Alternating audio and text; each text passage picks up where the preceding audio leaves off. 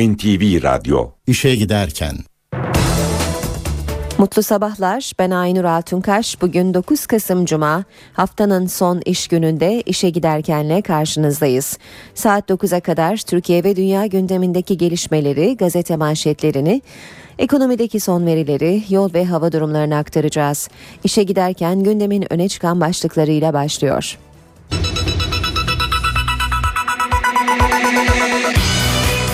Hakkari Şemdinli'de çıkan çatışmada bir asker şehit oldu. Gül Patriot füzeleriyle ilgili NATO içinde savunma amaçlı planlama olduğunu söyledi. Başbakan Erdoğan Endonezya'da Dünya Barışı konulu panelde konuştu. Suriye Devlet Başkanı Esad yönetimi bırakmayacağını söyledi.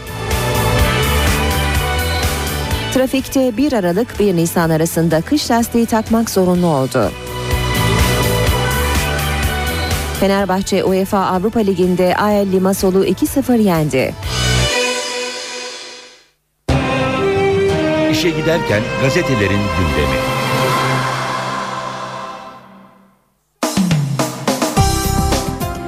Basın özetlerine Hürriyet gazetesiyle başlıyoruz. Hürriyet'te Manşet iki kez öldü. Beyin ölümü gerçekleşen Melike'nin organlarının bağışlanmasına savcı engel olunca küçük kız başka bedenlerde hayat bulamadı. Umutla organ bekleyen hastalar da yıkıldı. Gebze'de trafik kazasında ağır yaralanan Melike'nin yoğun bakımda beyin ölümü gerçekleşti. Dört uzman doktordan oluşan heyet bu yönde rapor verdi. Anne Tutku ve baba Seçkin Yıldırım da kızlarının organlarını bağışlayabileceklerini söyledi. Ancak Gebze savcısı Mustafa Aksu kalp durmadan organların alınmasına izin vermedi ve Melike'nin başına polis dikti. Devreye giren bakanlık da savcıyı ikna edemedi. Kısa süre sonra kalp durdu ve Melike organlarıyla birlikte toprağa verildi. Bir diğer başlık hürriyetten yeni mahalle paramparça. Türkiye Büyük Millet Meclisi'nde dün saat 4'te İçişleri Bakanı'nın önergesiyle yapılan değişiklikle Ankara'nın yeni mahalle ilçesinin sınırları değişti. Çıkan tartışma yüzünden Meclis Genel Kurulu karıştı. Dolmabahçe'ye yanıt vermedi. Eski Genelkurmay Başkanı Büyükanıt Meclis Darbeleri Araştırma Komisyonu'na 2007'de Başbakan'la Dolmabahçe'deki görüşmesi için rutin dedi.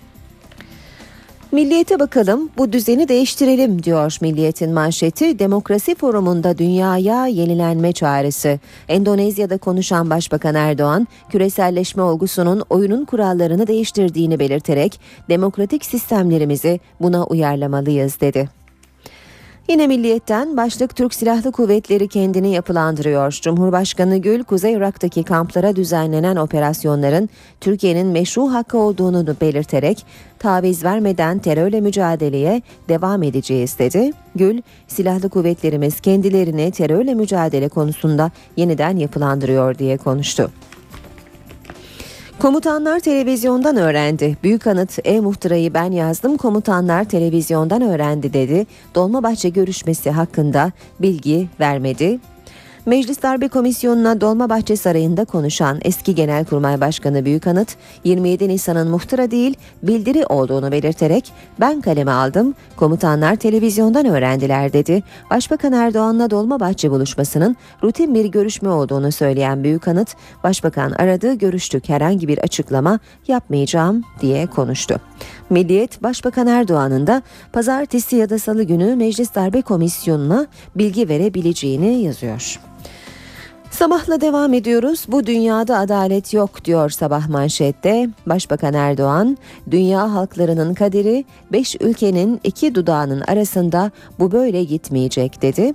Birleşmiş Milletler Güvenlik Konseyi başta olmak üzere Somali, Myanmar, Suriye'de sınavlar veren küresel yapıların sorunların çözümü karşısında maalesef yetersiz kaldıklarını görüyoruz. Dünya Güvenlik Konseyi'nin 5 daimi üyesinin iki dudağının arasında bırakılamaz diye konuştu konuştu Başbakan Erdoğan.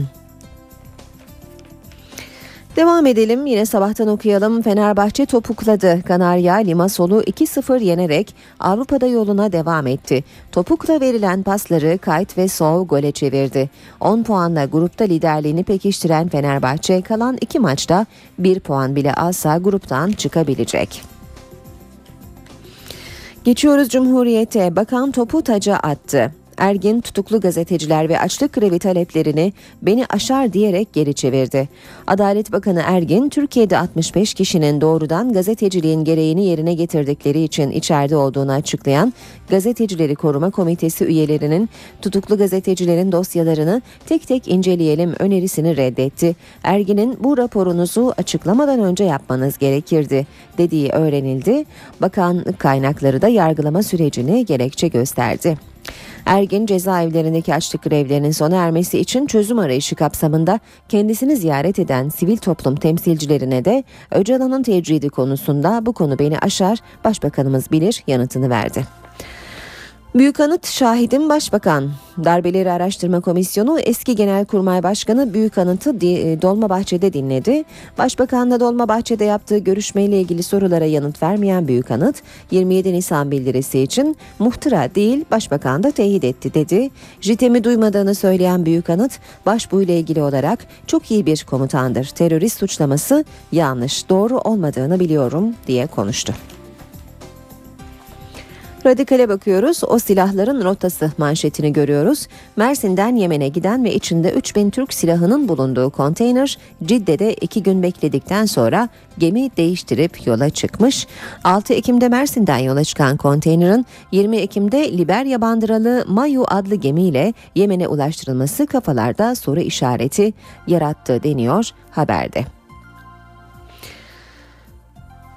Vatan gazetesi var sırada sır vermedi diyor Vatan manşette. Meclis komisyonunun Dolmabahçe'de dinlediği Büyük Anıt Erdoğan'la 2007'de yaptığı sır görüşme için tek kelime etmedi diyor haberin başlığında Vatan gazetesi. Devam edelim yine Vatan Gazetesi'nden aktarmaya. Sınırda can pazarı. Suriye'nin Türkiye sınırındaki Resulayn gümrük kapısını ele geçirmek isteyen muhaliflerle Esad güçleri arasında çatışma çıktı. Ceylanpınar'a şarapnel parçası ve mermi yağdı. Devlet hastanesiyle 4 ev isabet aldı. Biri çocuk, 3 kişi yaralandı. Okullar tatil edildi. Hediye yerine burs verin. 28 yıl sonra Çankırı'ya giden ilk Cumhurbaşkanı olan Gül hediye istemedi. Valilik de hayır işleriyle Gül'e teşekkür etti. 38 öğrenciye bir yıl e, bir yıl 150'şer liralık burs verildi. 5 bin fidan dikildi. 2 bin öğrenciye 100'er liralık yardım yapılacak. 100 bin fidan daha dikilecek.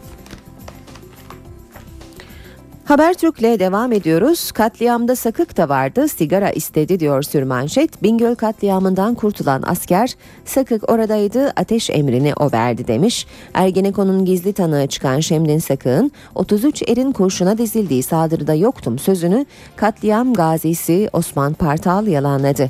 Sakık sigarası olan var mı dedi. Emri o verdi. 3 metreden kurşuna dizdiler. Kendimi yana attım, yüzleşebilirim. Habertürk'te manşetse tartışılan kararlar. 1. Evli kadın geceyi başka erkeğin evinde geçirirse zina sayılır boşanır. 2. Evli bir erkek bir kadınla aynı otel odasında kalırsa yaptığı zinadır boşanır. Yargıtay 2. Hukuk Dairesi karım geceyi başka biriyle geçirdi diye boşanmak isteyen ancak davası reddedilen kocayı haklı buldu. Gerekçe başka erkeğin evinde kaldıysa zina delilidir diyor Habertürk.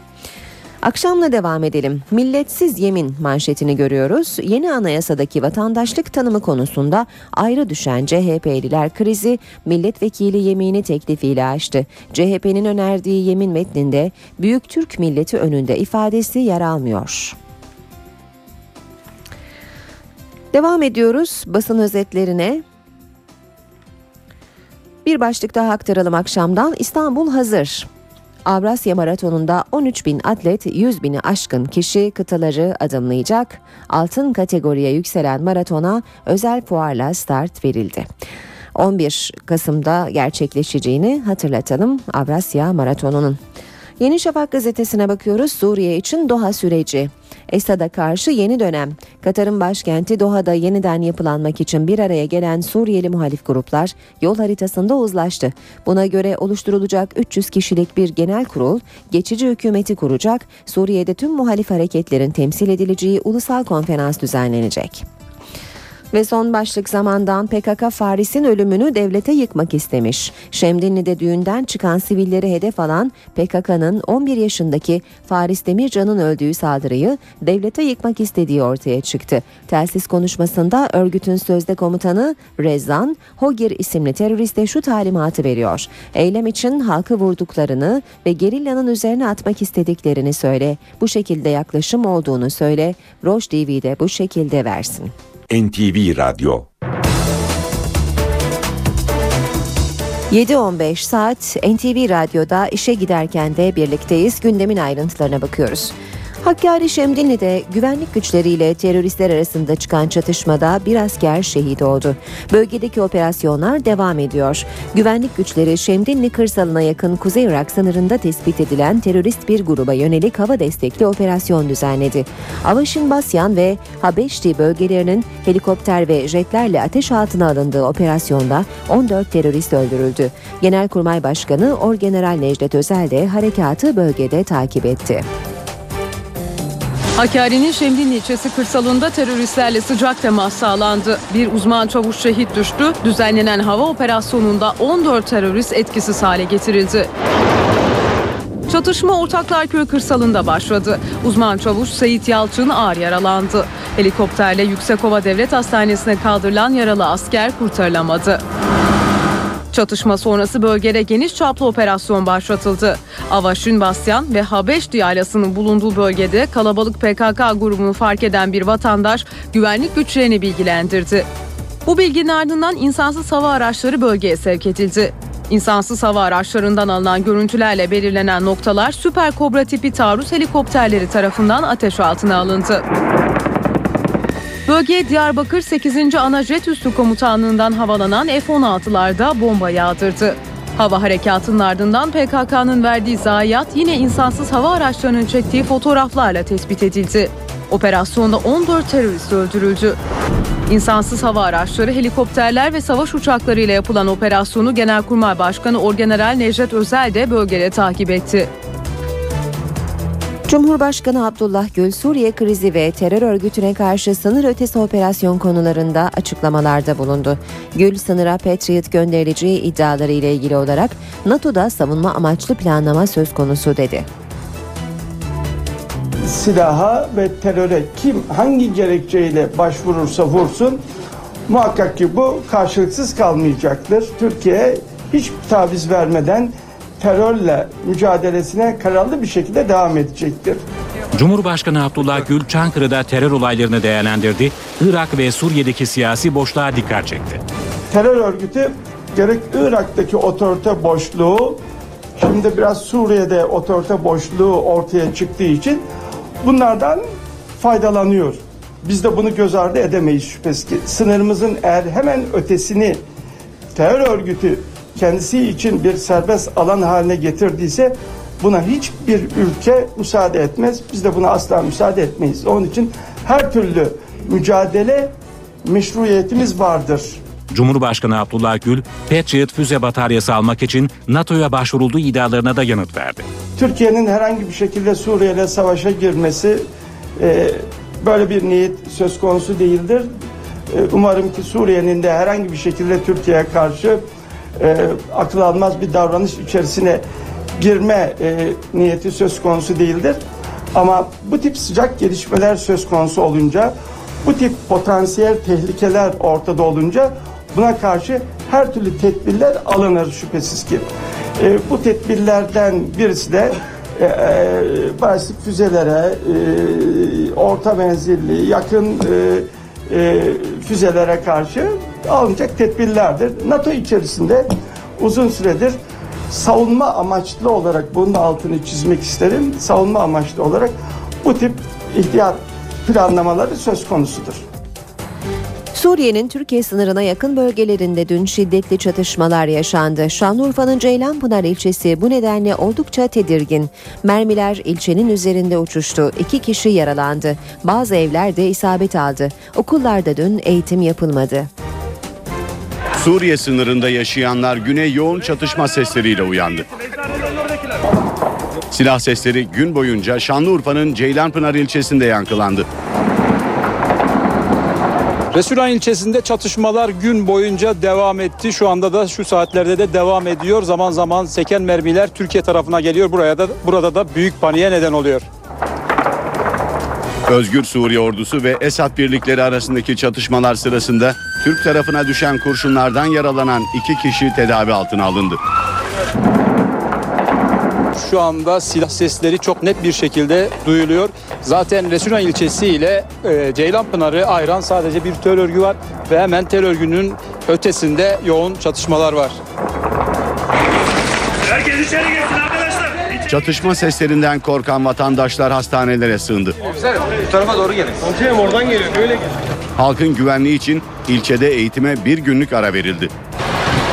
Çatışmaların başladığı gece saatlerinden itibaren 6000'den fazla Suriyeli sınırı geçerek Türkiye'ye sığındı. Çatışma başladı. Biz de kaçtık. Peki ne yapacaksınız burada? Vallahi bizim akrabalarımız var burada. Bizi, al- bizi alacaklar. Şimdi şu savaş oldu, şimdi şu milletin ne kabahati var. Yani gene işte ne olursa gene bize oluyor, oluyor yani. Gelenler arasında yaralılar da vardı. Yaralılar ambulanslarla Ceylanpınar Devlet Hastanesi'ne kaldırıldı. Sınırdaki giriş çıkışlarda kontrol altına alındı. Daha önce de Tel Abyad'daki çatışmalar nedeniyle Akçakale ilçesinde 20 gün eğitim yapılamamıştı. Suriye Devlet Başkanı Beşar Esad bir kez daha kameraların karşısındaydı. Yönetimi bırakmayacağını söyleyen Esad müdahaleye karşı bir kez daha gözdağı verdi. Suriye Devlet Başkanı Beşar Esad sessizliğini bozdu ve Rus televizyonuna konuştu. Esad Suriye'yi terk etmeyeceğini söyledi. I'm not puppet. I wasn't made by, I wasn't made by the West to go to the West. Kukla değilim. Beni Batı getirmedi. O yüzden Batı'ya veya herhangi bir ülkeye gitmem. Suriye'de yaşamalı ve ölmeliyim. Esad uluslararası toplumu askeri müdahale konusunda da uyardı. Uh, Eğer olursa bu işgalin bedeli dünyanın kaldıracağından çok daha ağır olur. Bölgede istikrar, laiklik ve birlikte yaşamın son kalesiyiz. Askeri müdahalenin Atlantik'ten Pasifik'e dünyayı etkileyecek bir domino etkisi olur. Suriye lideri Batı'nın müdahale edeceğini sanmadığını ama böyle bir şey olursa sonrasında ne olacağını kimsenin bilemeyeceğini belirtti. Uh, Suriye'de ise şiddet olayları sürüyor. Çatışmalar başkent Şam'da yoğunlaşıyor. Şam'ın güneyi ile batısı muhaliflerle ordunun şiddetli çatışmasına sahne oldu. Suriye ordusuna ait savaş uçakları Şam kırsalına hava saldırısı düzenledi. Suriye'den atılan bir havan topu da İsrail işgalindeki Golan tepelerine düştü. Hasar ve can kaybı olmazken İsrail ordusu havan topunun yanlışlıkla düştüğünü, hedefin İsrail olmadığını duyurdu. Suriye'de şiddet olayları tırmanırken evlerini terk edenlerin sayısı da hızla artıyor. Suriye toprakları içinde Türkiye sınırı yakınlarında kurulan kamplarda yaşam koşulları da giderek kötüleşiyor. Kış yaklaşırken sığınmacıların büyük bir bölümünün kalacak çadırları yok. Kızılaç'tan da artık Suriye'deki insani krizle mücadelede zorlandığı açıklaması geldi. Suriye'de insani dram derinleşiyor. Ülkenin kuzeybatısında Suriye ordusunun helikopter ve savaş uçaklarıyla düzenlediği saldırılar artarken binlerce kişi evlerini terk etmek zorunda kalıyor. Bu kişilerin çoğu Türkiye sınırına yakın bölgelerde kurulan derme çatma kamplara sığınıyor. Bu kamplardan biri de Kah köyünde. 4000'den fazla kişinin sığındığı kampta yaşam koşulları oldukça kötü. Bazı aileler yeterli çadır olmadığı için geceleri zeytin ağaçlarının altında uyumak zorunda kalıyor. Hiç çadır yok. Biraz su alabilmek için tam bir saat yürüyoruz. Soğuktan korunmak için çadır battaniye istiyoruz. Tüm isteğimiz bu. Elektriğin bulunmadığı kampta tuvalet ve banyo sayısı da yetersiz. Kampta sabah kahvaltısı Türk Kızılayı tarafından sağlanıyor. Evlerini terk edenlerden bazıları kampta gönüllü olarak çalışıyor. Ben de buradaki diğer insanlar gibi evimi terk ettim. Burada çalışan dört gönüllü var. Çalışmamız karşılığında para almıyoruz. Birleşmiş Milletler'e göre Suriye'deki şiddet olayları nedeniyle 2,5 milyon kişi evini terk etmek zorunda kaldı. Komşu ülkelere sığınan Suriyelilerin sayısı da 358 bini aşmış durumda. Sadece Türkiye'ye sığınanların sayısı 111 bini buluyor. Türkiye, İran ve Mısır Dışişleri Bakanlarının Ankara'da Suriye konusunda yapacakları üçlü toplantı ertelendi. Ertelemenin nedeni İran Dışişleri Bakanı Ali Ekber Salihi'nin İran Cumhurbaşkanı Mahmut Ahmedinejad'ın Vietnam ziyaretine eşlik edecek olması şeklinde açıklandı.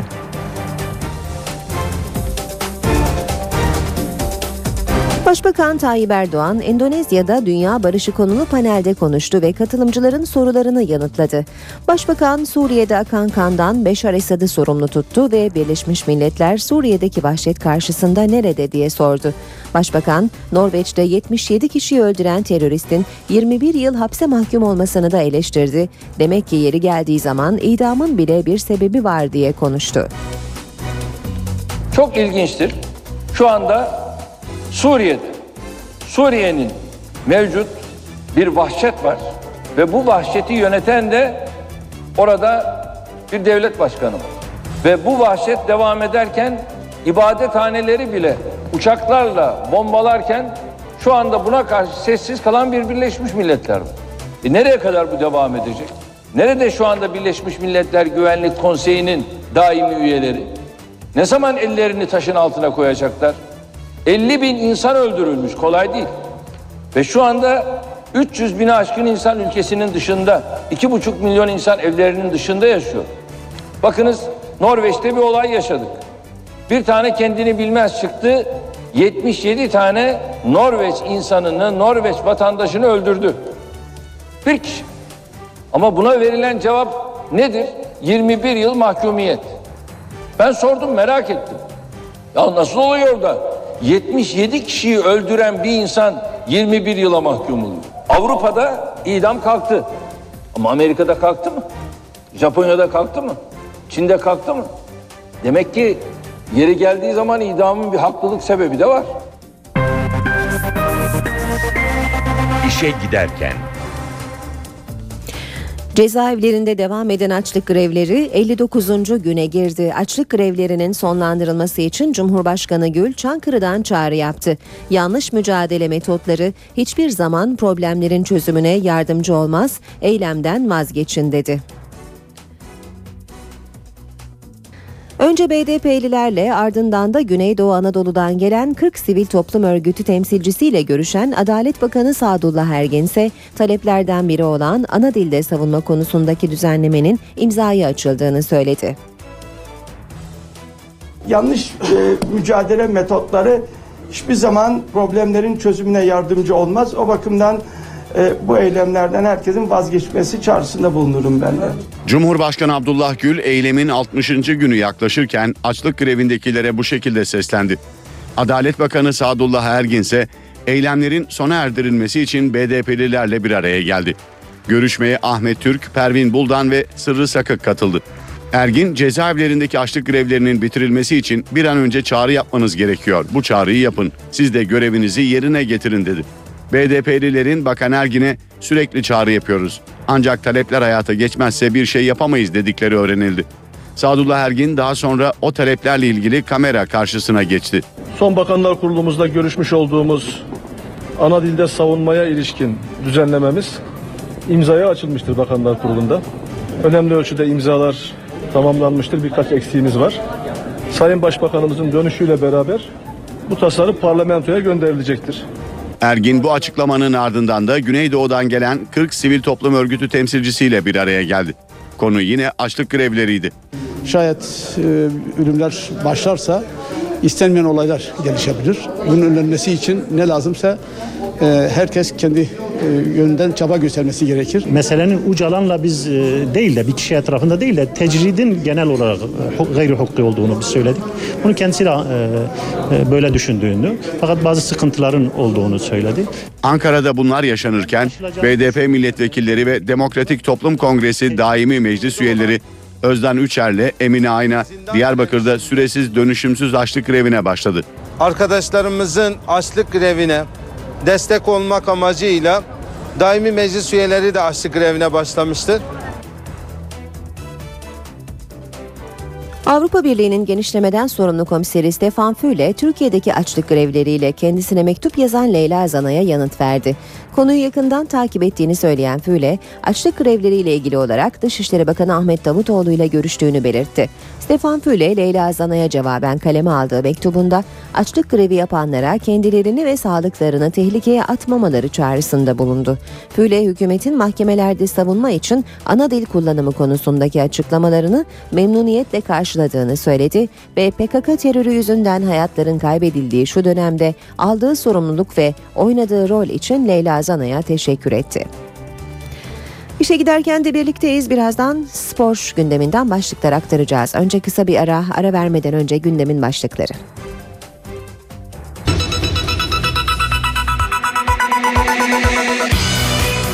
Hakkari Şemdinli'de çıkan çatışmada bir asker şehit oldu. Gül Patriot füzeleriyle ilgili NATO içinde savunma amaçlı planlama olduğunu söyledi. Başbakan Erdoğan Endonezya'da dünya barışı konulu panelde konuştu. Suriye Devlet Başkanı Esad yönetimi bırakmayacağını söyledi. Trafikte 1 Aralık 1 Nisan arasında kış lastiği takmak zorunlu oldu. Fenerbahçe UEFA Avrupa Ligi'nde AEL Limassol'u 2-0 yendi.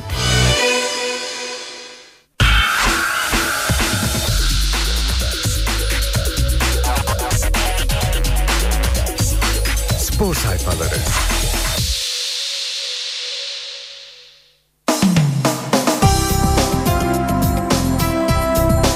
Spor haberleriyle devam ediyor işe giderken saat 7.36 gazetelerin spor sayfalarına bakıyoruz.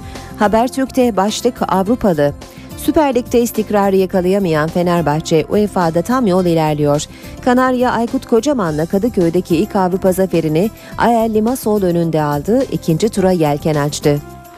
İlk 3 maçı 7 puanla geçen Fenerbahçe için galibiyet, C grubunda ilk iki vizesi adına dev bir adım olacaktı, öyle de oldu.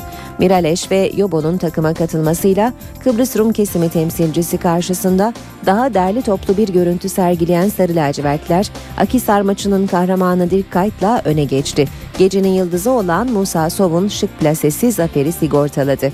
Rakibin 10 kişi kalmasından sonra iki topu direkten dönen, farkı kaçıran Fenerbahçe için gruptaki son iki maçta alınacak bir puan bile ikinci tur vizesi için yeterli olacak. Yine Habertürk'ten okuyalım. Tarihe bir bakın. Galatasaray'ın Cluj karşısında elde ettiği galibiyetin ardında Fatih Terim'in bu sözleri yatıyor.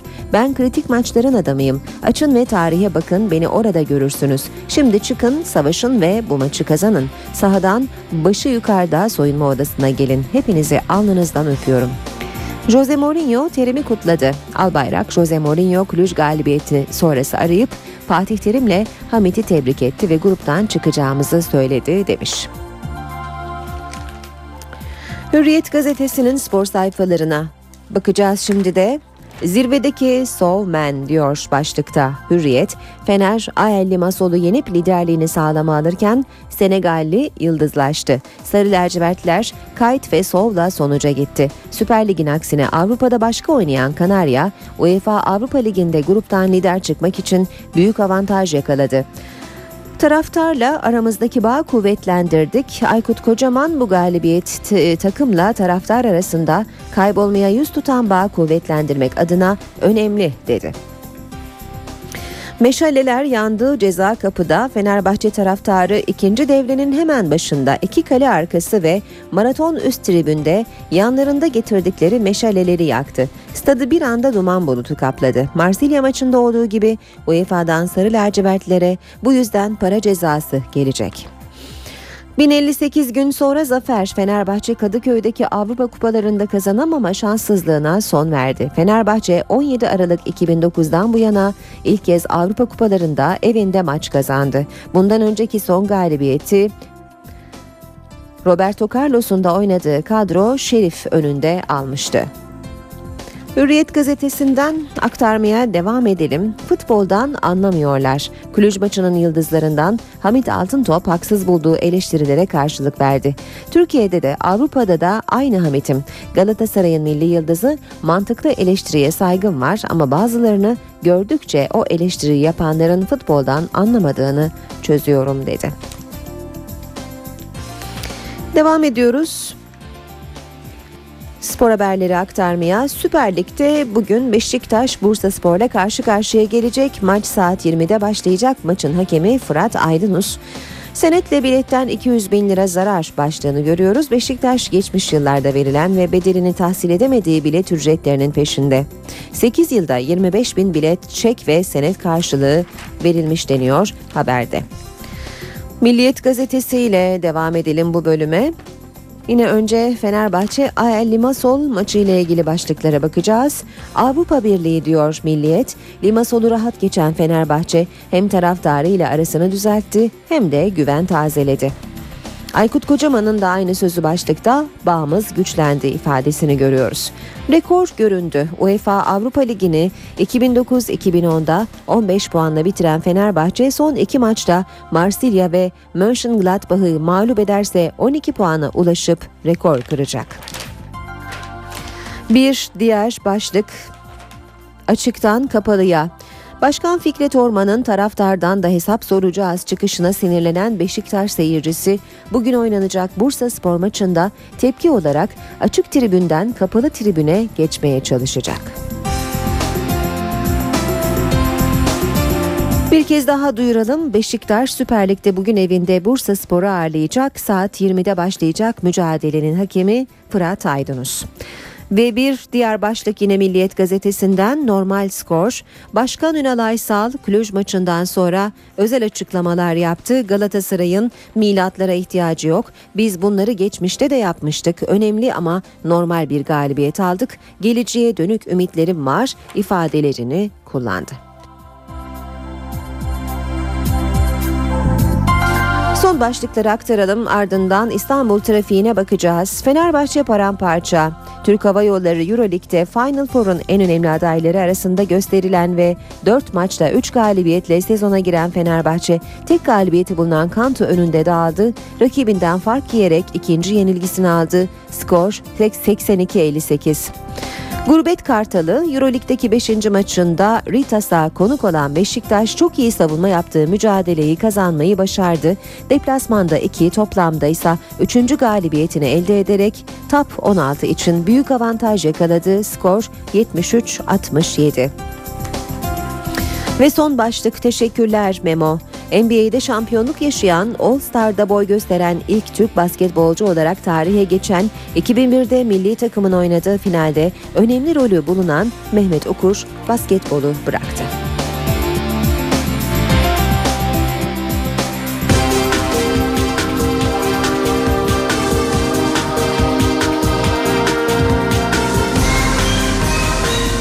İşe giderken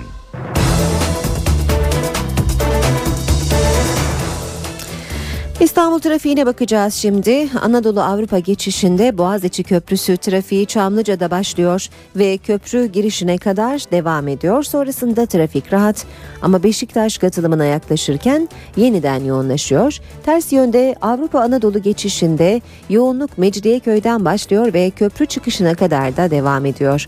Fatih Sultan Mehmet Köprüsü Anadolu Avrupa geçişinde Ataşehir Ümraniye kavşağı arasında yoğun ama akıcı bir trafik var ancak Ümraniye'den sonra köprü girişine kadar trafik daha da yoğun bir şekilde devam ediyor. Avrupa Anadolu geçişi Fatih Sultan Mehmet Köprüsü'nde gişelerden başlayan yoğunluk köprü girişine kadar devam ediyor. Kavacık'ta yeniden yoğunlaşıp ardından yerini rahat ve akıcı bir trafiğe bırakıyor. Tem otoyolundaki trafiğe bakalım. Mahmut Bey'den başlayan ve Karayolları Mahallesi Gazi Osman Paşa'ya kadar devam eden bir e, yoğunluk görüyoruz. O 3 karayolunda Mahmut Bey Doğu Kavşağı ve Bayrampaşa arasında da yine yoğun ilerleyen bir trafik var. Ters yönde atış alanı Yüzyıl Köprüsü Mahmut Bey arasında da yoğun bir trafik olduğunu gözlemekteyiz.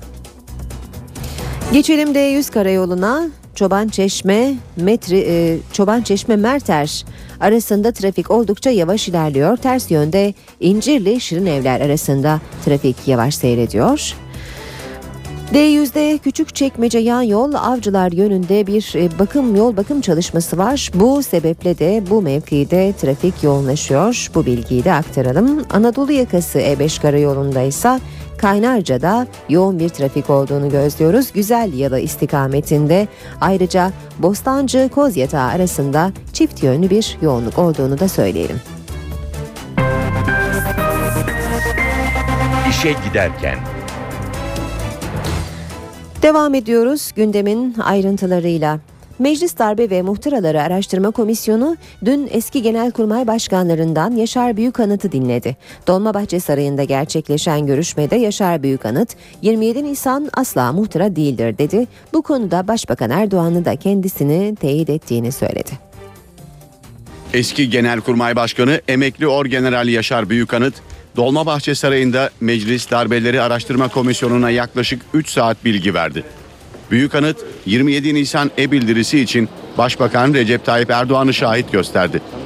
27 Nisan bildirisi asla ve kata muhtıra değildir. Hatta başbakan da bunun muhtıra olmadığını söyledi. Metni tamamen kendim yazdım. Jandarma Genel Komutanı ile beraber yazdığımız söylendi haberi yapıldı. Bu da doğru değil. Haberi yoktu. Bütün sorumluluğu ben aldım. Türk Silahlı Kuvvetleri'nin laiklik hassasiyetini ortaya koyan bir metindir.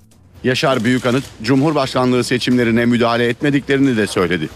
Büyükanıt'la komisyon üyeleri arasında muhtıra sözcüğünün anlamı konusunda da görüş ayrılığı yaşandı. CHP'li komisyon üyesi Mehmet Şeker, 27 Nisan bildirisinin içerik olarak muhtıra olduğunu belirtti. Bazı AK Partili vekillerden de bu sözlere destek geldi. Büyükanıt'a 5 yıl önce Dolmabahçe'de Başbakan Erdoğan'la yaptığı sır görüşme de soruldu. rutin bir görüşme olduğunu e, ve bu konuyla da ilgili herhangi bir açıklama yapamayacağını söylemiştir. Sadece- Komisyonun MHP'li üyesi Atilla Kaya, Başbakan Recep Tayyip Erdoğan'ın da komisyona gelebileceğini öne sürdü. Sayın Büyükanıt'ın bu sorular üzerine benim e, bu meselenin tam manasıyla açıklığa çıkabilmesi için Sayın Başbakan'la dinlememiz gerekir diye sormam üzerine muhtemelen pazartesi ya da salı günü olabilir ihtimal dahilinde diye bir sus geçti. Ancak komisyon başkanı Nimet Baş, MHP'li Atilla Kaya'nın bu açıklamasıyla ilgili böyle bir konu gündeme gelmedi dedi. Komisyona bilgi veren isimlerden biri de eski bakanlardan Cavit Çağlar'dı. Çağlar 28 Şubat dönemine ilişkin soruları yanıtladı. Yaşadığım neyse o günkü olaylar Sayın Erbakan Hocam, Başbakan onda olan bazı konuları sordular. Onları anlattık. Ee, biz ee, bu doğru yol, ref- e, refah yolu iktidarının kurulduğu gün ee, biz retveyi vermiştik. Ve 10 10 yıl sonra da biz 10 arkadaş istifa ettik. İşe giderken. ÖSYM Başkanı Ali Demir, ÖSYM'nin 2013 hedeflerini anlattı. Bu yıl bazı sınav salonlarında uygulanmaya başlanan kamera kayıt sisteminin 2013 yılında tüm salonlarda uygulanması için çalışma başlattıklarını açıkladı. Meclis Plan Bütçe Komisyonu'nda konuşan ÖSYM Başkanı Ali Demir, ÖSYM'nin 2013 hedeflerini anlattı. Demir, kopya girişimlerini engellemek için tüm sınav salonlarının kamera sistemiyle denetim altına alınacağını söyledi. Sınav ticareti tamamen ortadan kaldırıldı ama salon içinde toplu kopya girişimleri oldu. Bunu engellemek için 2012 yılında rastgele seçilmiş 5000 salonda kamera ile kayıt yapılmaya başlanmıştır. Hedefimiz 2013'te tüm salonlarda kamera ile kayıt yapmak ve böylece sınavın tamamıyla şeffaf bir şekilde gerçekleşmesini sağlamaktır.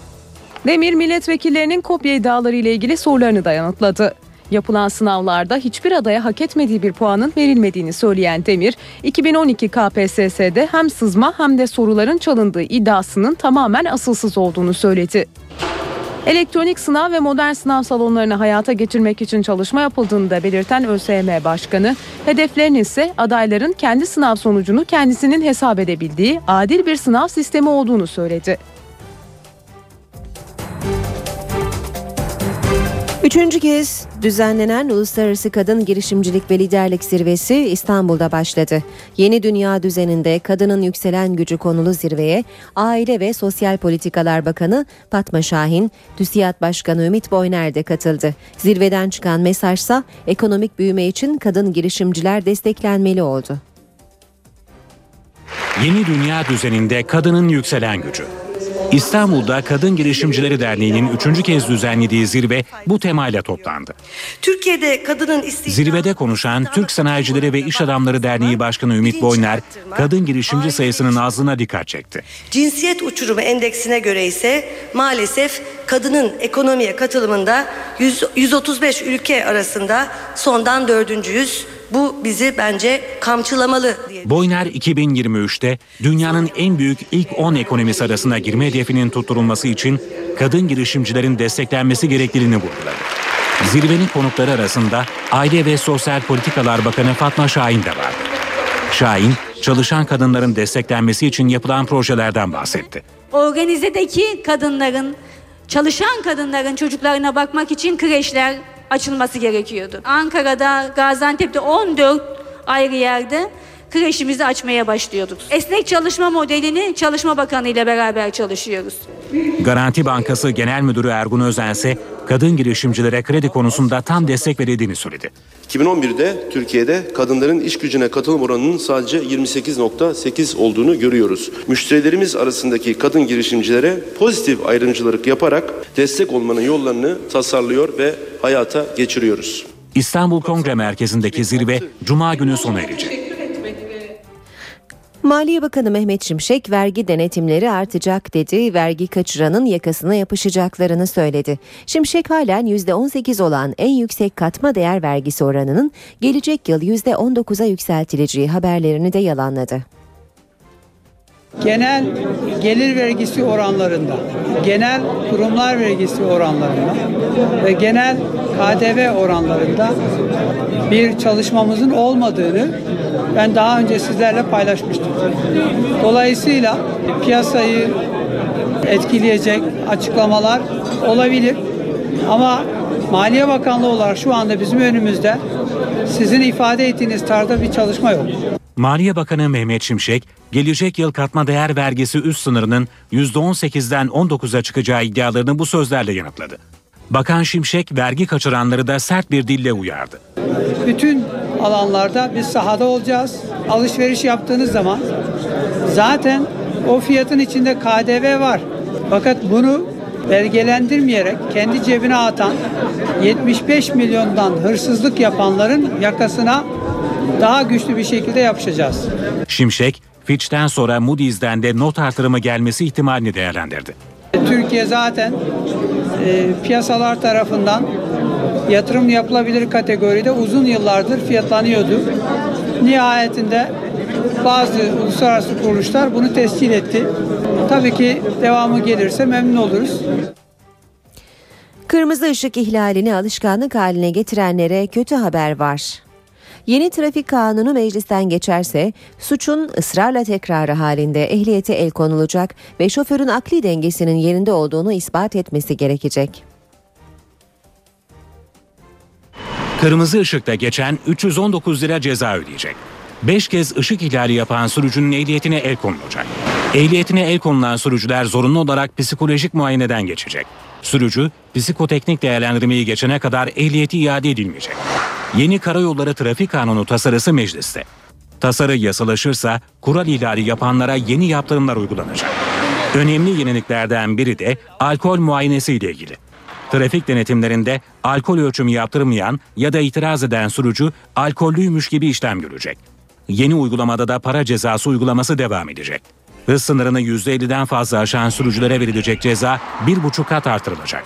Aracının ilk muayenesini yaptırmayan ya da muayene süresini aşan sürücülere kesilen para cezası 72 liradan 154 liraya yükseltilecek. Tasarıyla kış mevsiminde araçlara kış lastiği takma zorunluluğu da getiriliyor. Kış lastiği olmayan sürücülere 72 lira ceza kesilecek. Kamyon, otobüs, tır, tanker gibi ağır yük taşıtlarının kullanım süresini aşan sürücülere verilen cezalar 6 kata kadar artırıldı.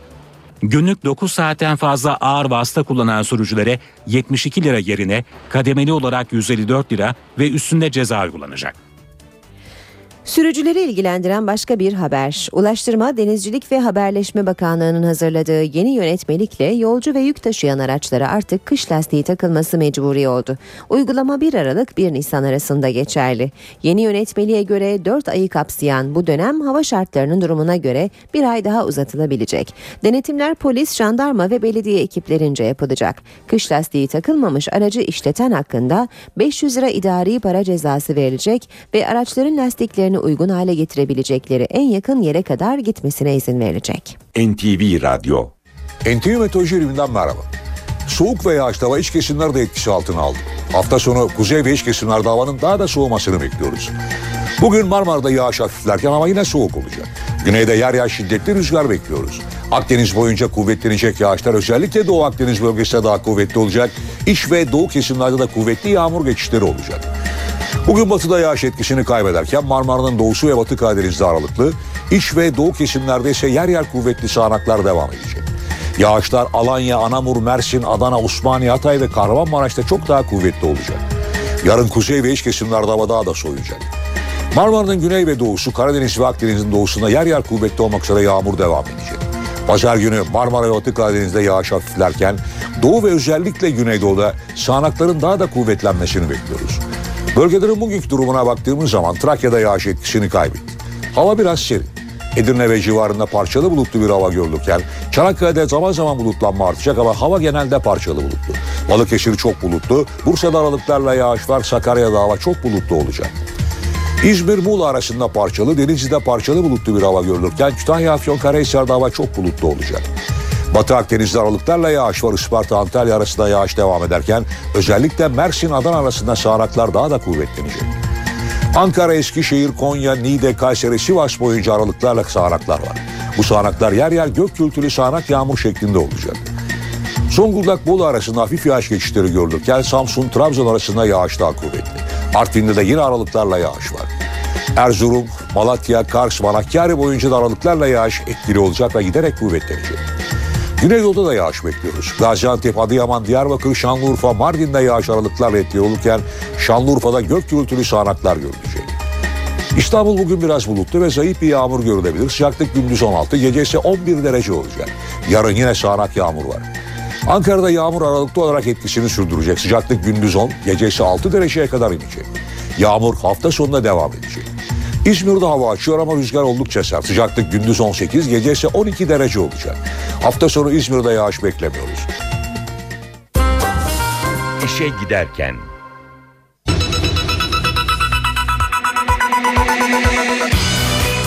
Hakkari Şemdinli'de çıkan çatışmada bir asker şehit oldu. Gül Patriot füzeleriyle ilgili NATO içinde savunma amaçlı planlama olduğunu söyledi. Başbakan Erdoğan Endonezya'da Dünya Barışı konulu panelde konuştu. Suriye Devlet Başkanı Esad yönetimi bırakmayacağını söyledi.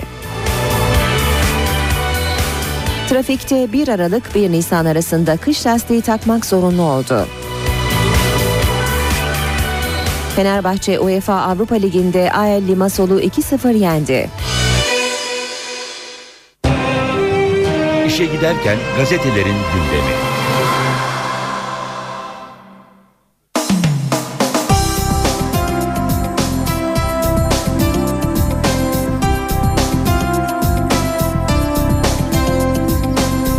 Basın özetlerine Milliyet gazetesiyle başlıyoruz. Bu düzeni değiştirelim diyor Milliyet'in manşeti. Endonezya'da konuşan Başbakan Erdoğan, küreselleşme olgusunun oyunun kurallarını değiştirdiğini belirterek demokratik sistemlerimizi buna uyarlamalıyız dedi. Bir başka haber komutanlar televizyondan öğrendi başlığını taşıyor. Büyük anıt e-muhtırayı ben yazdım. Komutanlar televizyondan öğrendi dedi. Dolmabahçe görüşmesi hakkında bilgi vermedi. Genelge çıktı, yürüyüş yasak. İçişleri Bakanı İdris Naim Şahin, Ankara Ulus'taki Cumhuriyet Bayramı yürüyüşünden sonra yayımladığı genelgeyle basın açıklamalarına kurallar getirdi. Genelgeye göre basın açıklaması serbest olacak ama 2 saate geçmeyecek. Gürültü ve çevre kirliliği yaratılmayacak, yaya ve araç trafiğini engellem trafiği engellenmeyecek, yürüyüş yapılmayacak. Bakanlık 10 Kasım'da Atatürk anıtına çelenk konulmasını ise serbest hale getirdi. Hürriyet gazetesiyle devam ediyoruz. İki kez öldü diyor Hürriyet manşette. Beyin ölümü gerçekleşen Melike'nin organlarının bağışlanmasına savcı engel olunca küçük kız başka bedenlerde hayat bulamadı. Umutla organ bekleyen hastalar da yıkıldı.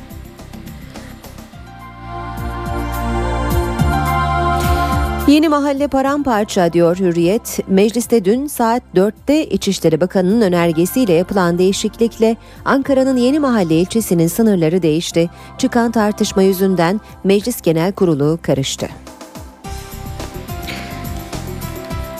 Devam edelim basın özetlerine. Zaman gazetesine bakalım. PKK Faris'in ölümünü devlete yıkmak istemiş. Şemdinli'de düğünde çıkan düğünden çıkan sivilleri hedef alan PKK'nın 11 yaşındaki Faris Demircan'ın öldüğü saldırıyı devlete yıkmak istediği ortaya çıktı.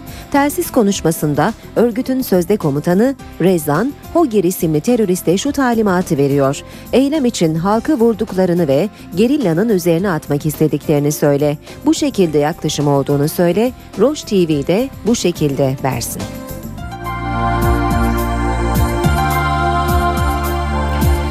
Yeni Şafak'la devam ediyoruz. Suriye için Doha süreci diyor Yeni Şafak. Katar'ın başkenti Doha'da yeniden yapılanmak için bir araya gelen Suriyeli muhalif gruplar yol haritasında uzlaştı. Buna göre oluşturulacak 300 kişilik bir genel kurul geçici hükümeti kuracak. Suriye'de tüm muhalif hareketlerin temsil edileceği ulusal konferans düzenlenecek.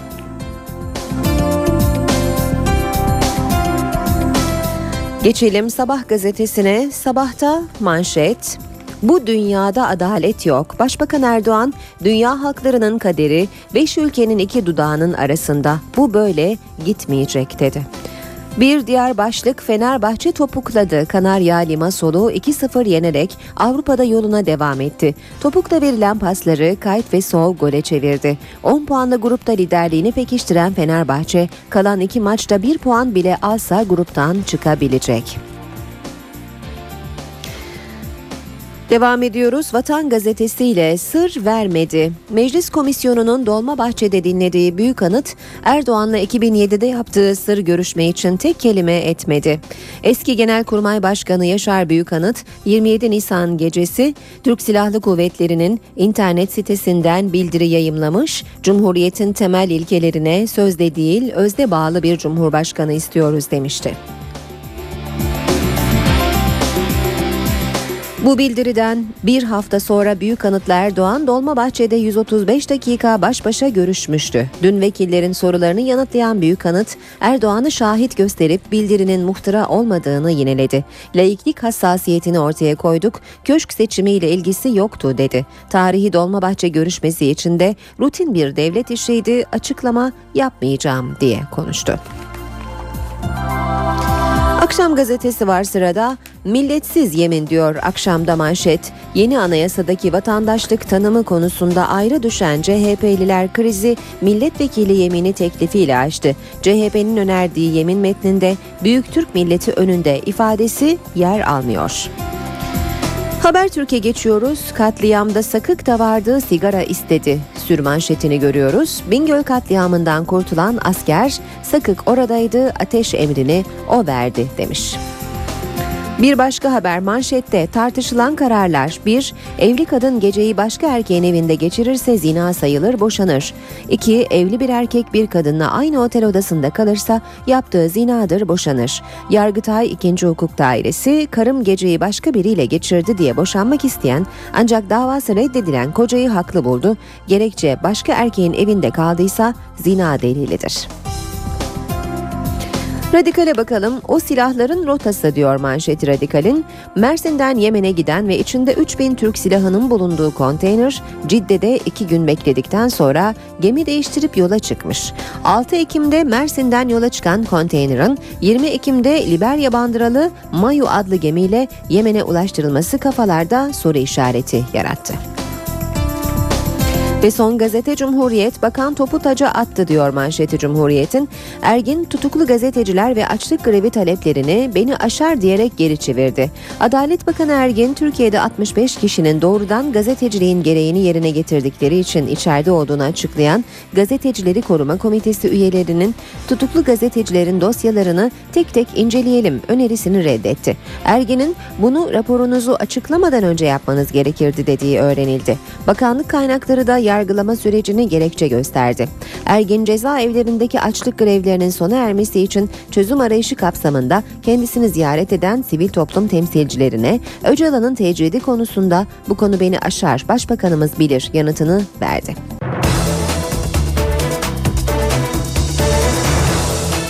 Gündemin öne çıkan gelişmelerini aktarmaya devam ediyoruz. Saat 8.16.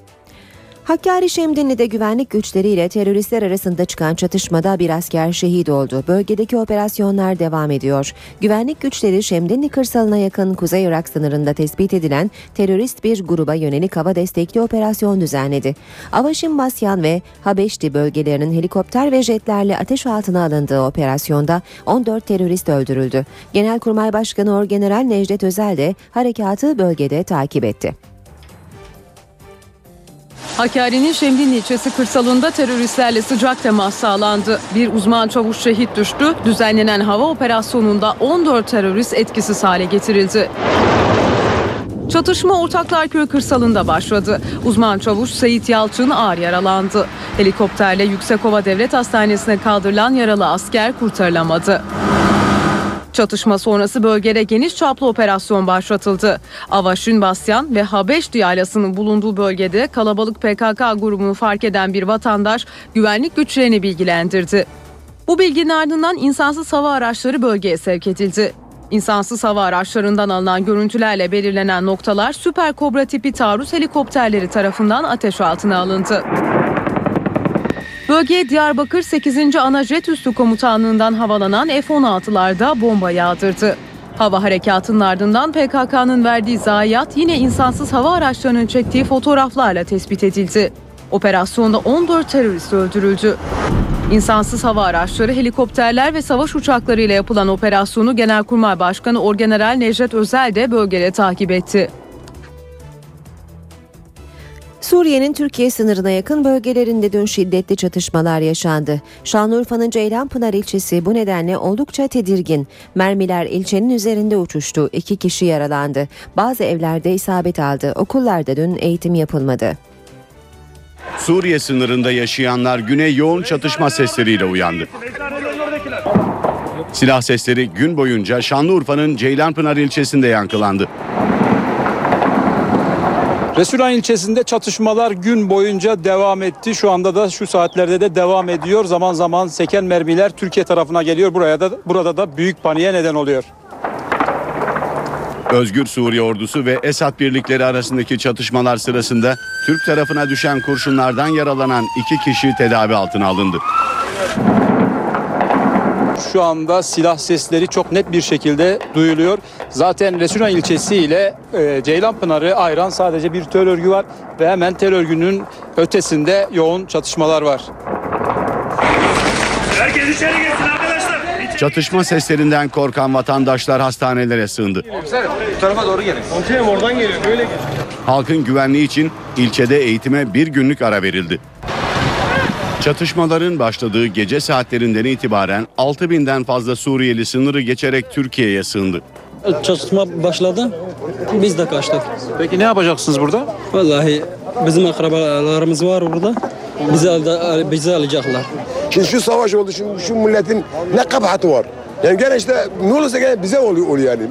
Gelenler arasında yaralılar da vardı.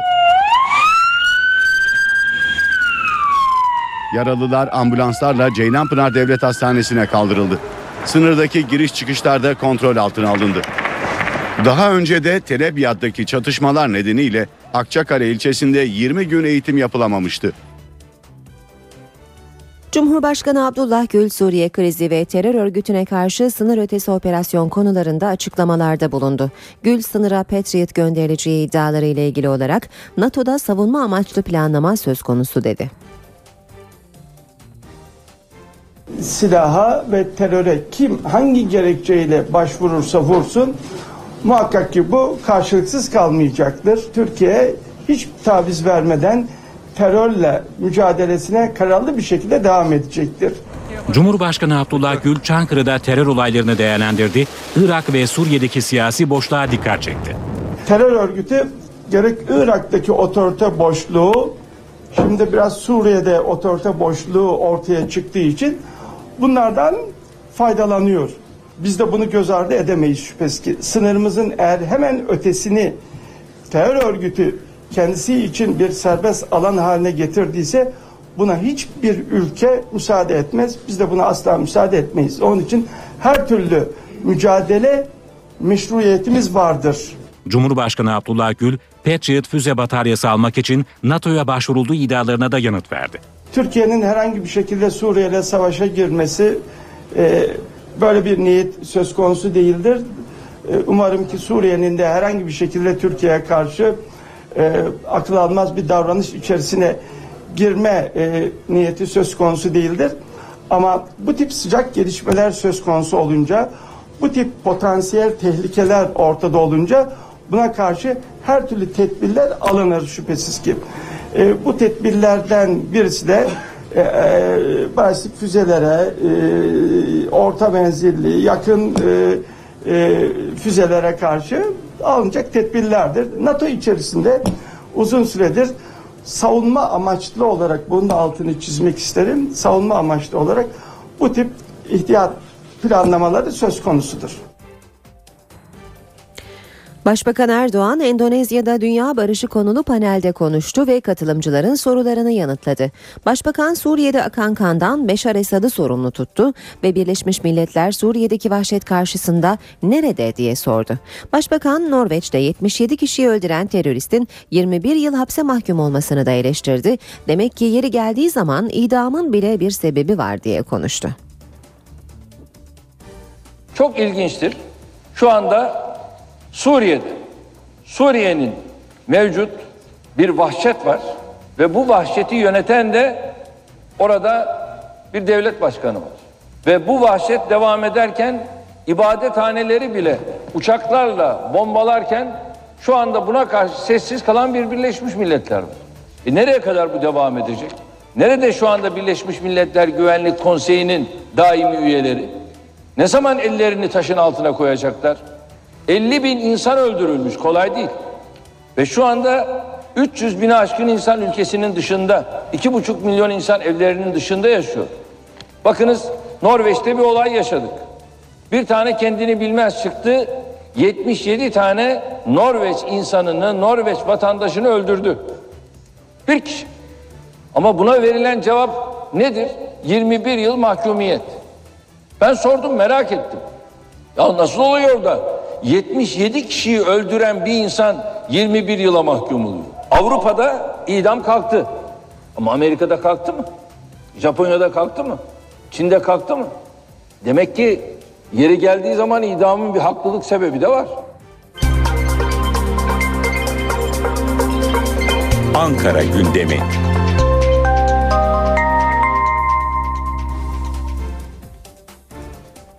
Başkent gündemiyle devam ediyoruz. Ayrıntılar NTV muhabiri Gökhan Gerçek'te.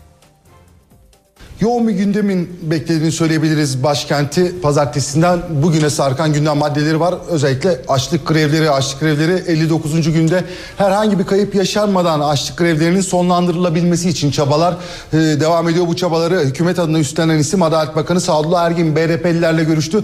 Dün Diyarbakır'dan gelen Doğu ve Güneydoğu Anadolu illerinden gelen 40 sivil toplum örgütü üyesiyle bir araya geldi. Bu konuda atılacak adımlar başkentten yakından takip edilmeye devam edilecek. Ee, AK Parti'nin Anayasa Uzlaşma Komisyonu'na sunduğu 22 maddelik başkanlık sistemi önerisi terörle mücadelede e, terörle mücadele ve Suriye'deki gelişmeler yine başkentin ağırlıklı gündem maddeleri arasında. E, rutin gündeme devletin zirvesiyle başlayalım. Cumhurbaşkanı Abdullah Gül'ün bugün görüşmeleri olacak. E, Gül Avrupa Konseyi Parlamenterler Meclisi Denetim Komisyonu Türkiye raportörü Josette Duruye ile görüşecek. Gül daha sonra Mısır Dışişleri Bakanı Abdullah Muhammed Kamil ve beraberindeki heyeti Çankaya Köşkü'nde kabul edecek. Dışişleri Bakanı Ahmet Davutoğlu Filistin Dışişleri Bakanı Riyad Malki'nin Ankara yapacağı ziyaret do- dolayısıyla Filistin'in Ankara Büyükelçiliğine verecek e, resepsiyona katılacak. Meclis Genel Kurulu'nda bugün e, tartışmalı bir gündem var. Yine 13 ilin büyük şehir olmasını öngören yasa tasarısının görüşülmesine devam edecek. Tasarının bu sabaha karşı biten görüşmelerin ardından ilk 11 maddesi kabul edildi. Tasarı nüfusu 750 bin üzerinde olan illerin Büyükşehir Belediyesi kapsamına alınabilmesine imkan e, sağlıyor. Tasarı ile Büyükşehir statüsü kazanacak iller Aydın, Balıkesir, Denizli, Hatay, e, Malatya, Manisa, Kahramanmaraş, Mardin, Muğla, Tekirdağ, Trabzon, Şanlıurfa ve Van olacak. Muhalefetin şiddetle eleştirdiği bir tasarı bugün de genel kurulun oldukça hareketli olacağını söyleyebiliriz. Son gündem maddemiz Enerji Bakanlığı'ndan Enerji Bakanı Taner Yıldız Elektrik Dağıtım Hizmetleri Derneği'nin genel kurulu- kuruluna katılacak. E, bir not daha var. YÖK, YÖK'ün kuruluş yıl dönümü 6 Kasım'da ancak bugün e, 9 Kasım ancak e, eylem bugün gerçekleştirecek. Türkiye'nin dört bir yanından gelen öğrenciler başkentte YÖK'ü protesto edecek. E, bu protesto sebebiyle başkent polisinin de oldukça yoğun güvenlik önlemi aldığını söyleyelim. İşe giderken. İMKB 100 endeksi 1044 puan artarak 72.649 puandan kapandı. Hisse senetleri ortalama %1,46 oranında değer kazandı. Bu sabah serbest piyasada dolar 1.78, euro 2.28'den işlem görüyor. Euro dolar 1.28, dolar yen 80 düzeyinde. Altının onsu 1736 dolar, kapalı çarşıda külçe altının gramı 98 lira, Cumhuriyet altını 654 liradan işlem görüyor. Brent petrolün varil fiyatı 107 dolar.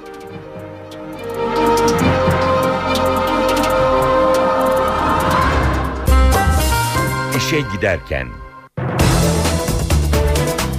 İstanbul trafiğindeki son duruma bakalım. Şu anda D100'de Topkapı Cevizli Bağ yönünde maddi hasarlı bir trafik kazası sebebiyle oluşan yoğunluk var. Bir şerit trafiğe kapalı durumda. Köprülere bakalım. Fatih Sultan Mehmet Köprüsü Anadolu Avrupa geçişinde yoğunluk biraz hafiflemiş durumda. Ümraniye kavşağı itibariyle yoğun bir trafik var. Çavuşbaşı'na kadar devam edip ardından akıcı bir trafiğe yerine bırakıyor bu yoğunluk. Ancak Kavacığa yaklaştıkça yeniden artıyor. Köprü e, girişine kadar da bu şekilde devam ediyor.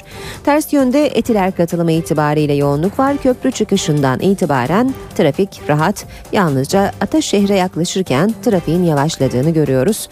Kozyatağı giriş e, Tem otoyoluna e, Kozyatağı girişinden itibaren de trafiğin Küçük Bakkalköy'e kadar yoğun olduğunu söyleyelim.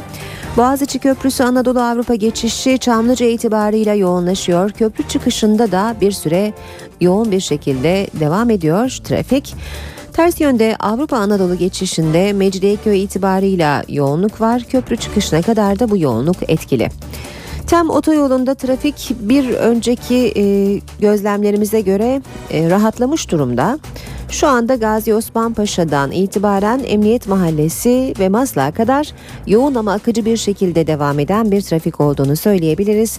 Edirne yönünde ise Metris'ten itibaren Tekstil Kent'e kadar trafiğin yoğun olduğunu söyleyelim. O3'te Mahmut Bey Doğu Kavşağı'ndan Anıt Mezar'a kadar trafik oldukça yoğun seyrediyor bu sabah. Ters yönde ise sadece 100 yıl köprüsü Mahmut Bey Doğu Kavşağı arasında trafik yoğun seyrediyor. D100 karayolunda şu sıralarda Yeni Bosna Şirin Evler İncirli arasında çift yönlü bir yoğunluk olduğunu söyleyelim. Daha da geride ise Avcılardan başlayan ve Çoban Çeşme'ye uzanan yoğun bir trafik olduğunu belirtmeden geçmeyelim. Saat 8.29 NTV Radyo'da işe giderken de birlikteyiz. Günün en önemli olayları. Haberin tüm yönleri, Kırıcı bir üslubumuz yok. Bir şey istedik sadece. perde arkası, Sorumlular ortaya çıkarılacak ve gereken yapılacaktır. Anında radyonuzda. NTV Radyo İstanbul. NTV Radyo İzmir. NTV Radyo Ankara. NTV Radyo Irak. NTV Radyo Kahire. NTV Radyo. Habere ulaşmanın en kolay yolu.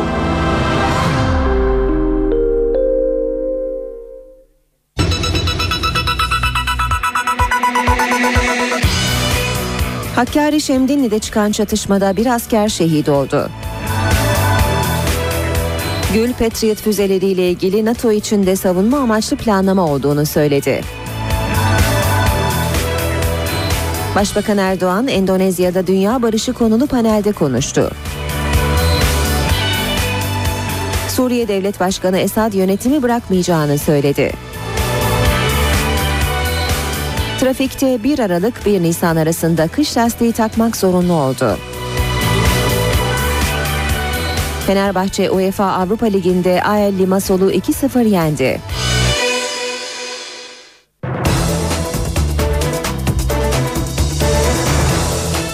...8.36 saat NTV Radyo'da işe giderken gündemin ayrıntılarıyla devam ediyor. Sanak yağmur ve fırtına dün pek çok kentte hayatı durma noktasına getirdi. Çanakkale ve Bandırma'da deniz ulaşımı yapılamadı. Yağmur kazaları da beraberinde getirdi. Yozgat'ta etkili olan sağanak hayatı felç etti. Tüm gün aralıklarla devam eden yağmur nedeniyle cadde ve sokaklar göle döndü. Bazı evlerin bodrum katlarını su bastı. Özellikle Yerköy ilçesinde etkili olan yağış nedeniyle yollar çöktü. Çöken yolda bir traktör mahsur kaldı. Denizli'de ise yağmurla birlikte etkili olan yoğun sis kazalara yol açtı. Gökpınar mevkiinde kamyon ve tır çarpıştı. Bir kişi öldü, bir kişi de yaralandı. Aynı yolun karşı şeridinde de kaza vardı. Aşırı yağış nedeniyle kayganlaşan yolda kontrolden çıkan kamyon şarampole yuvarlandı. Biri ağır, 3 kişi yaralandı. Çanakkale ve Balıkesir şiddetli fırtınanın etkisi altındaydı. Sert Poyraz deniz ulaşımını durdurdu. Kabatepe, Gökçeada seferleri her iki yönde de iptal edildi. Marmara Denizi'nde yer yer 4 metreyi bulan dalgalar nedeniyle Bandırma'da deniz otobüsü ve feribot seferleri durduruldu. Bursa'ya ise mevsimin ilk karı yağdı. Sabah saatlerinde Uludağ'ın zirvesinde başlayan kar yağışıyla birlikte yüksek kesimlerde sıcaklık eksi 2 dereceye düştü. Dün akşam Bursa'ya gitmek için İstanbul'da Kabataş iskelesinden feribota binen yolcular hava muhalefeti gerekçesiyle Yenikapı iskelesinde durdurulunca isyan etti. Feribotu terk etmeyip yaklaşık 2 saat eylem yapan kalabalık gecikmenin nedeninin farklı olduğunu iddia etti. Ee, 10.30 aktarması olduğunu bildirmeden bize bilet sattıkları için protesto ediyoruz arkadaşlar hep birlikte. Deniz otobüsü yolcuları ertelenen seferi böyle protesto etti. Bursa'ya gitmek için Kabataş'tan feribota binen yolcular hava muhalefeti olduğu gerekçesiyle uzun süre bekletildi. Ardından yolculara başka bir feribota aktarılacakları söylendi. Durumu protesto eden yolcular yaklaşık 2 saat feribottan inmedi. Alkış ve ıslıklarla tepkilerini dile getirdi. Sorun şu. Sorun e, iptallerin oluşundan değil. Sorun 5 dakika kalana kadar bilet satışlarının yapılması ve bunun ve bunun bize haber verilmeyişe ondan sonra bizi koyun gibi kullanmalarıdır. Protestoyu iskelede de sürdüren yolcular rötarın hava muhalefetinden değil feribotun dolmamış olmasından kaynaklandığını iddia etti. 8.25'te seferin iptal edildiği bize söylendi. 20.30'daki olan feribotla gideceksiniz hava muhalefeti var dediler. Bursa'yı aradık biz havada ne yağmur var ne fırtına hiçbir şey yok. Tek bir sebep 8.30 feribotunun dolmaması ve kar etmek amacıyla 300 kişiyi 2 saattir bekletiyorlar. Görevlilerce ikna edilen kalabalık feribotla gecikmeli olarak Bursa'ya hareket etti. Sandy fırtınası mağduru Amerikalılar şimdi de soğuk havayla mücadele ediyor. New York'ta ise benzin sıkıntısı sürüyor. Belediye çareyi petrol satışında tek plaka çift plaka uygulamasına geçmekte buldu. Önce fırtına, şimdi dondurucu soğuklar. Sandy fırtınasının vurduğu Amerika Birleşik Devletleri'nin doğu kıyısı soğuk havaya teslim oldu. New York ve New Jersey eyaletleri kar altında. Kar yağışı en çok fırtınanın yıkıp geçtiği alanları vurdu. 10 güne aşkın süredir elektrik verilemeyen New York'un Breezy Point kasabasında hayat felç olmuş durumda. Hava çok soğuk, elektrik ve doğalgazımız yok. Karın başlaması ile evimin bodrum katını tekrar su bastı. Petrol sıkıntısı da aşılabilmiş değil. New York'ta petrol karneye bağlanmak üzere. Only 25% of our gas stations we estimate are open. Petrol istasyonlarının %25'i açık. Sürücüler uzun kuyruklarda beklemek zorunda kalıyor. Önümüzdeki haftaya kadar petrol sıkıntısı süreceğe benziyor. Bu yüzden petrol satışında plaka uygulamasına geçiyoruz. Bir gün tek plakalılar, diğer günde çift plakalı araçlar benzin alacak. Sandy fırtınasının faturası da netleşti. The first cost estimate Fırtınanın 50 milyar dolarlık hasara neden olduğunu söyleyebiliriz. Sadece New York bölgesinde 33 milyar dolarlık hasar var. 10 eyalette etkili olan Sandy yüzden fazla can kaybına neden olmuştu.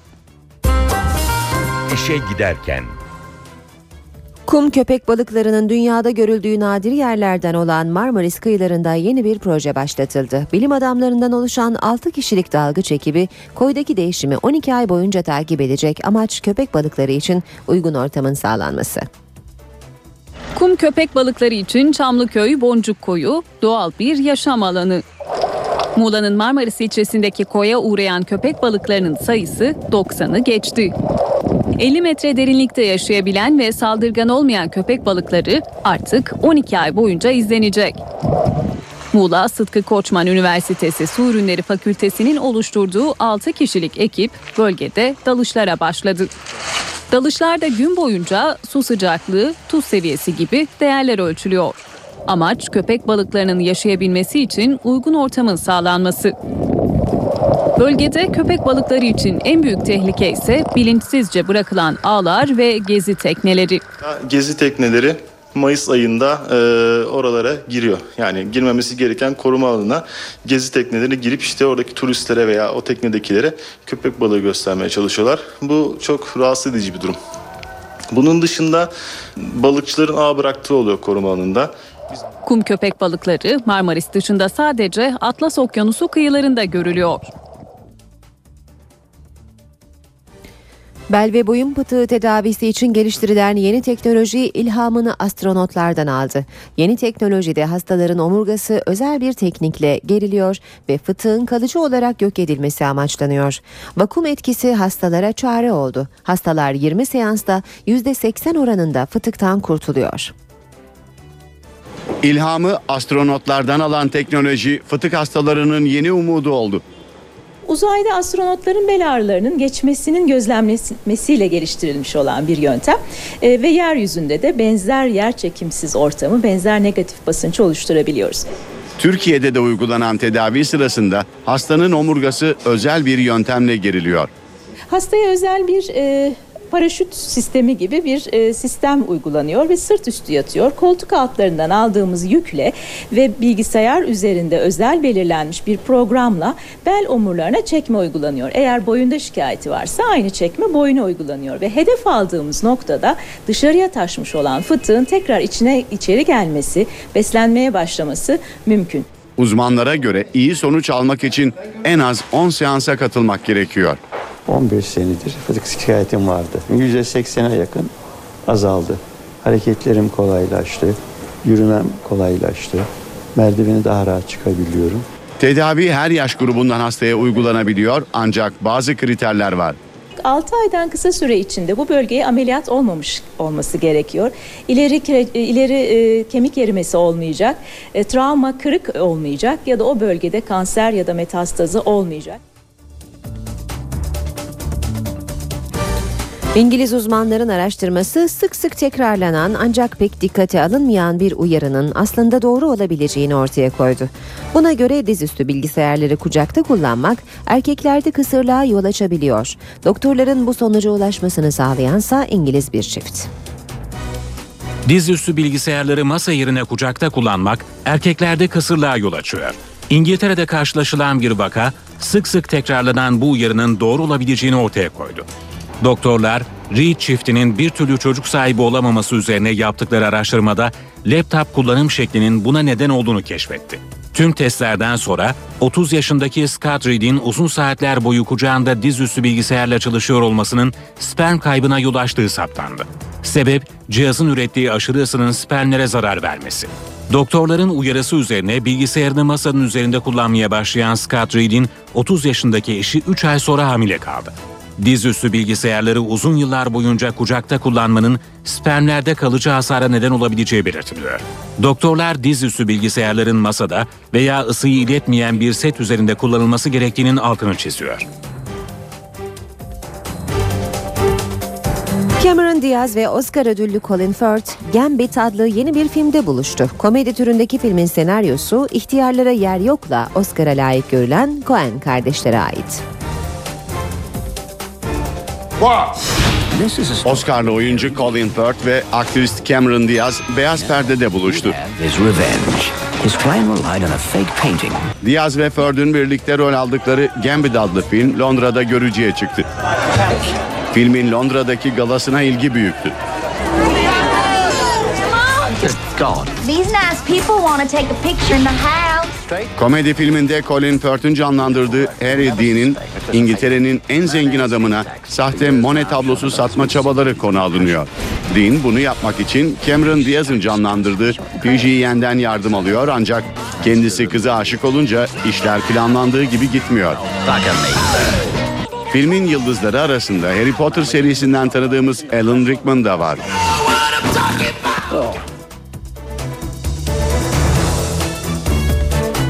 İşe giderkenin bugün de sonuna geldik. Programımızı kapatmadan önce gündemin başlıklarına bakalım. Hakkari'de operasyonlar devam ediyor. Dün yaşanan çatışmada bir asker şehit oldu. 14 terörist öldürüldü. Bugün gündem çeşitli yönlerden Suriye'de yoğunlaşıyor.